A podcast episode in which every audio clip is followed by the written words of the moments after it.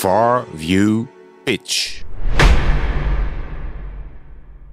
Ivo Wiertz is momenteel bijna drie jaar bezig met zijn promotieonderzoek naar Virtual Audit Teamwork. In deze korte pitch presenteert hij de belangrijkste takeaways van het onderzoek, voor zover dat nu gereed is. Ik heb uh, een viertal takeaways waarvan ik zelf denk dat ze, dat ze interessant zijn om, om nog eens te herhalen. Um, de eerste is dat virtueel teamwork niet per definitie goed of slecht is. Um, hè, het is er zijn voordelen en nadelen. En je kunt zelf door, door actiever, uh, actief daarmee bezig te zijn, de voordelen vergroten en de nadelen verkleinen.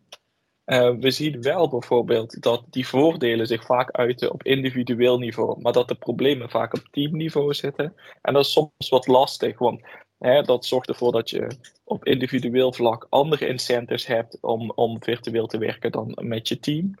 Um, maar de belangrijkste takeaway voor mij eigenlijk over de, is dat de indruk er is dat de kwaliteit en de efficiëntie gewaarborgd blijven. Dus um, we kunnen hier uh, een, een, um, met virtueel teamwerk kunnen we een positieve impuls aan de, aan de werkomgeving in de audit geven, zonder dat we inboeten op kwaliteit. En dat is eigenlijk denk ik hetgene wat, wat het belangrijkste is. We hebben ons veel zorgen gemaakt hierover, maar Um, we moeten nu eigenlijk de potentie van virtueel teamwerk echt ontsluiten.